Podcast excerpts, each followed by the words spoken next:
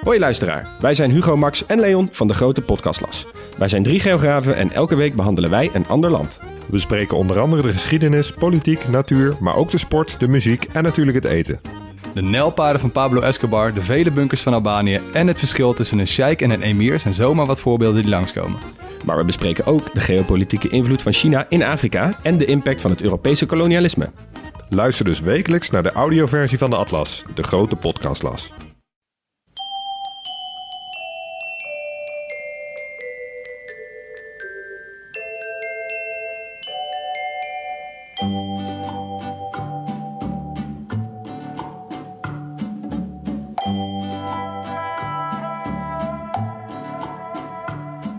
Welkom bij aflevering 55 van de Echt Gebeurd podcast. Waar echt gebeurde verhalen worden verteld door de mensen die het zelf hebben meegemaakt. In deze podcast een verhaal van Eva Maria Staal. Het thema van de Echt Gebeurd middag was macht.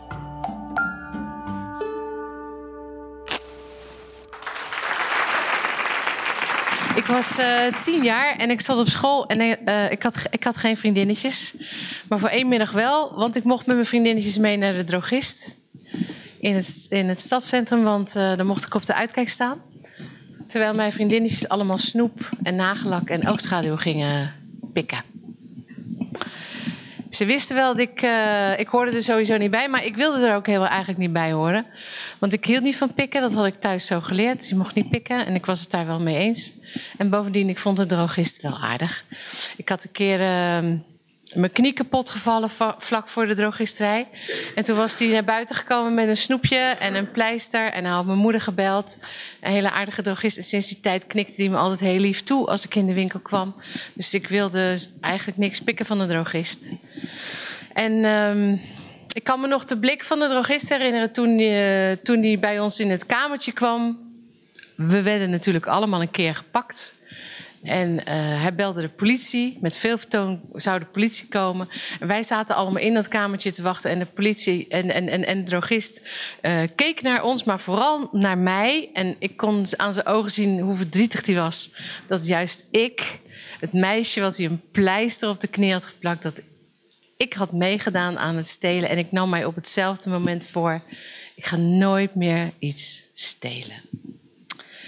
En uh, ik groeide op en ik ging trouwen. En ik was uh, op een gegeven moment 30 jaar getrouwd geweest. En na die 30 jaar ging ik bij mijn man weg.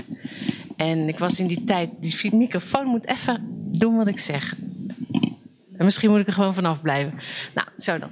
En toen, uh, ik was 30 jaar getrouwd geweest en ik ging bij mijn man weg. En ik was na die 30 jaar helemaal niet toe aan avontuur, even. En, uh, maar ja, het avontuur was dan kennelijk wel toe aan mij. En dat vond mij in de gedaante van Harry. En Harry, uh, Harry, Harry, Harry is, een, um, Harry is eigenlijk Obelix en Jack Woutersen, maar dan dik. en Harry, Harry, als Harry drinkt, oh, dan drinkt hij echt. En als Harry eet, eet hij echt. En als Harry, ik kon ontzettend lachen met Harry. En uh, toen ik kennis maakte met Harry, mocht ik vlak daarna ook kennis maken met Harry's boeken. Harry's boeken, ik kwam bij Harry thuis. Harry's boeken, dat waren 70.000 boeken. Uh, ik weet niet hoe je, of jullie weten hoe dat eruit ziet, 70.000 boeken. Ik zou je zeggen hoe dat eruit ziet. Normale, goed gevulde boekenkast telt tussen de 1000 en 2000 boeken. Dan heb je het over een boekenkast van iemand die al oud is. Want, uh, of oud is middelbaar, zoals ik. Want jonge mensen lezen niet. Hè, die, of die hebben een e-reader. Een goede boekenkast van iemand die gewend is om te lezen... telt 1000 tot 2000 boeken. Harry had er 70.000. Dat, dat, is, dat is eigenlijk gewoon... Uh, vanaf de vloer tot aan het plafond. Boekenplanken in elke ruimte van het huis. Dus ook in de keuken, ook in de wc, ook in de badkamer, ook in de slaapkamer. Overal boeken. Harry las eigenlijk alleen maar en Harry schreef. Harry is dichter. Ik schreef ook, dus dat trof. We hadden, wat dat met elkaar. En um, Harry had dus, was dus dol boeken. En Harry, uh, uh, uh, als hij schreef, schreef hij over, over boeken of hij, of hij las over schrijven. Nou, dat. En als hij ergens op visite ging en hij moest een cadeautje meenemen, drie keer raden wat je dan cadeau kreeg: een boek. En uh, we gingen op een dag op uh, bezoek bij een van zijn beste vrienden. En Harry had dus een uh, boek bij zich. En Harry overhandigde het boek aan die vriend. En die vriend die zei dat hij er heel blij mee was. En die bedankte ons. En hij legde het boek even op de boekenplank. Om zelf naar de keuken te gaan om iets te drinken voor ons in te schenken. En de vriend had zijn rug nog maar net naar ons toegekeerd. Of ik zie hoe Harry mij doordringend aankijkt het boek pakt wat hij net cadeau had gegeven en met één vloeiende beweging in zijn tas laat glijden. En op dat moment gebeurde er iets met mij. En toen ik nadacht over hoe ik dit verhaal ging vertellen, dacht ik: hoe, hoe leg ik uit wat er gebeurde? Er gebeurde met mij hetzelfde als wat er gebeurt als je in een doodstille stad om drie uur s'nachts voor een rood stoplicht komt te staan. Met niemand voor je en niemand achter je. En naast je stopt een auto. Je kijkt niet naar wie er naast je zit in die auto, maar hij laat zijn motor één keer brullen. En je weet gewoon, als straks het stoplicht op groen springt, wedstrijd.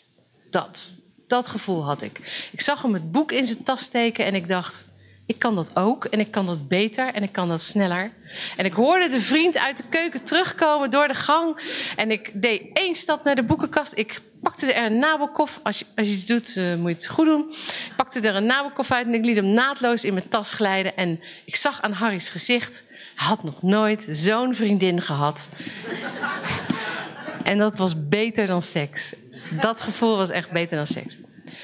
Um, het spreekt vanzelf dat je. We konden daarna natuurlijk niet stoppen. Nee. We waren aan een wedstrijd bezig. Dan kan je niet zomaar stoppen. Wie bepaalt, wanneer de wedstrijd is afgelopen? we praten daar verder ook niet over.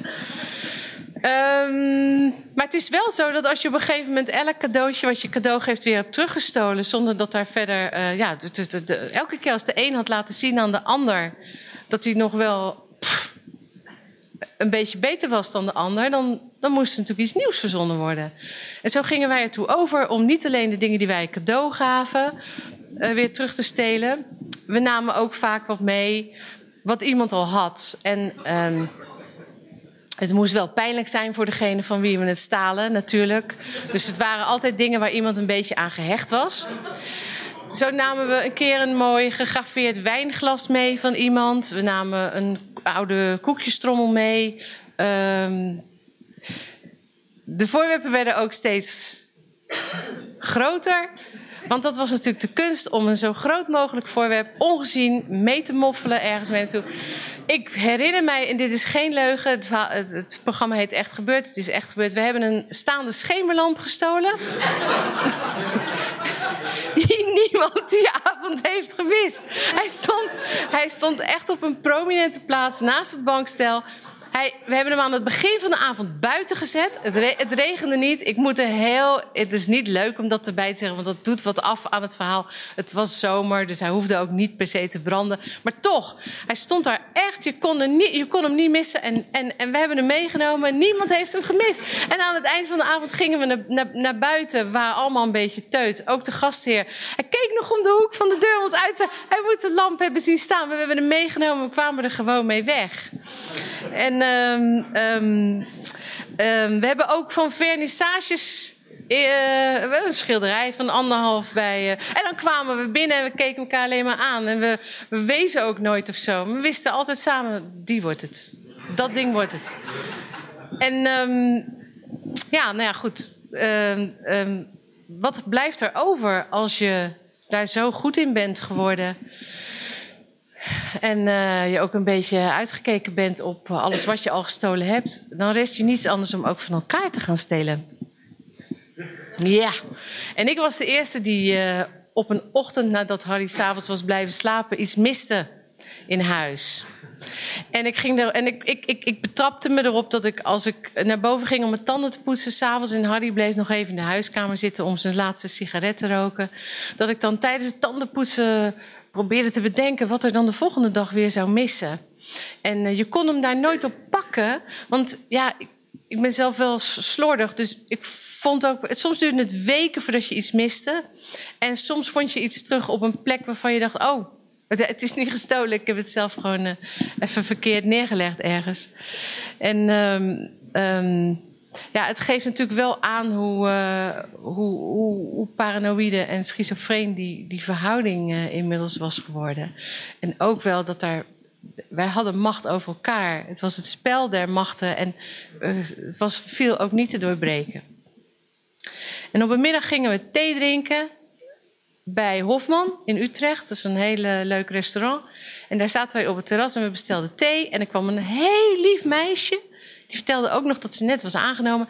En die had een prachtige theedoos bij zich. Een mooie roodgelakte theedoos. Dus uh, Harry zei, uh, mooie theedoos heeft u daar. En uh, zij zei, ja, ja, ja, mijn baas is, heeft ze net nieuw gekocht. We hebben er vijf. En ze zijn allemaal net nieuw. En zij liep weg en Harry zei, dat zijn er dus nu vier. En ik zei, nee, drie. en, en we liepen langs de gracht met die theedoos. Het was weer gelukt. En, uh, en Harry zei, uh, laten we ze in de gracht zoden flikkeren. Want dat was ook een probleem. We hadden zoveel spullen gestolen. We wisten niet meer waar we ze moesten laten. Dus we zetten ze wel eens op marktplaats. Maar een van ons bedacht dat dat een beetje tricky was. Want dan kon je toch mensen over de vloer krijgen... die hun eigen spullen plotseling uh, gestolen zijn. Een vriend, je weet het niet.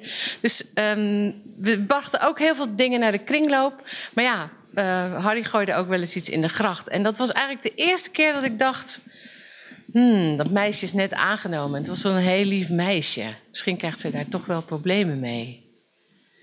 Dus ik zei, nou, ik neem ze wel mee naar huis. En ik had ze mee naar huis genomen en ik woonde dichter bij Hofman dan Harry. En de volgende ochtend ging ik terug naar Hofman.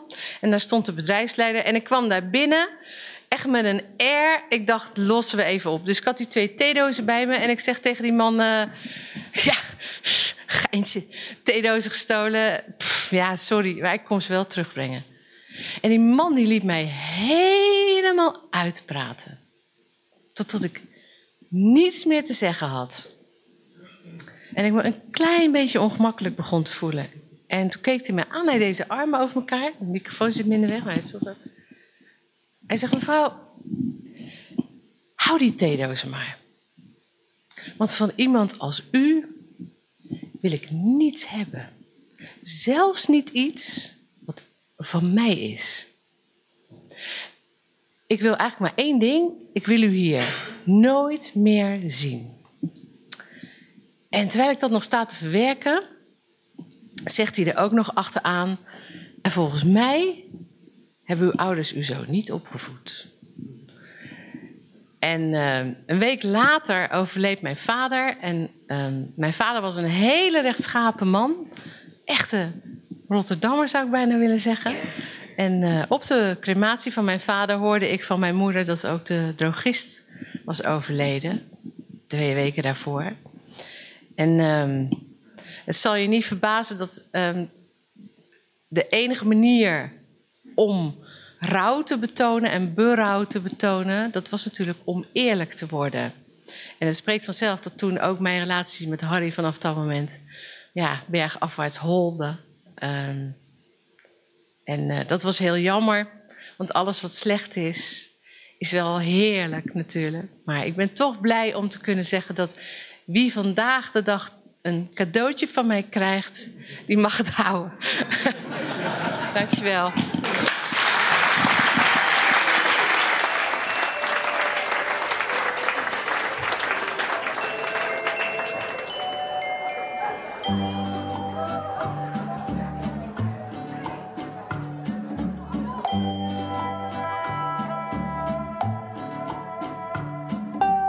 Was Eva Maria Staal.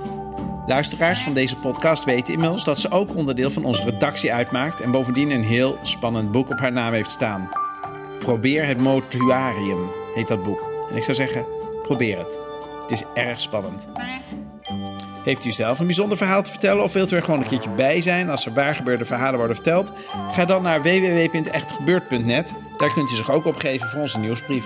De redactie van Echt Gebeurd bestaat uit Eva Maria Staal, Paulien Cornelissen, Rosa van Dijk, Eva Zwaving en mijzelf, Micha Wertheim.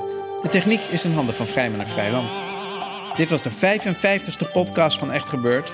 Luister je er graag naar? Geef het dan door, vertel het aan anderen en ga even langs iTunes om ons daar een goede beoordeling te geven. Dank je wel. Bedankt voor het luisteren en tot de volgende podcast. En vergeet niet, als je toch iemands hart stilt, neem dan meteen ook een leuk boek voor jezelf mee.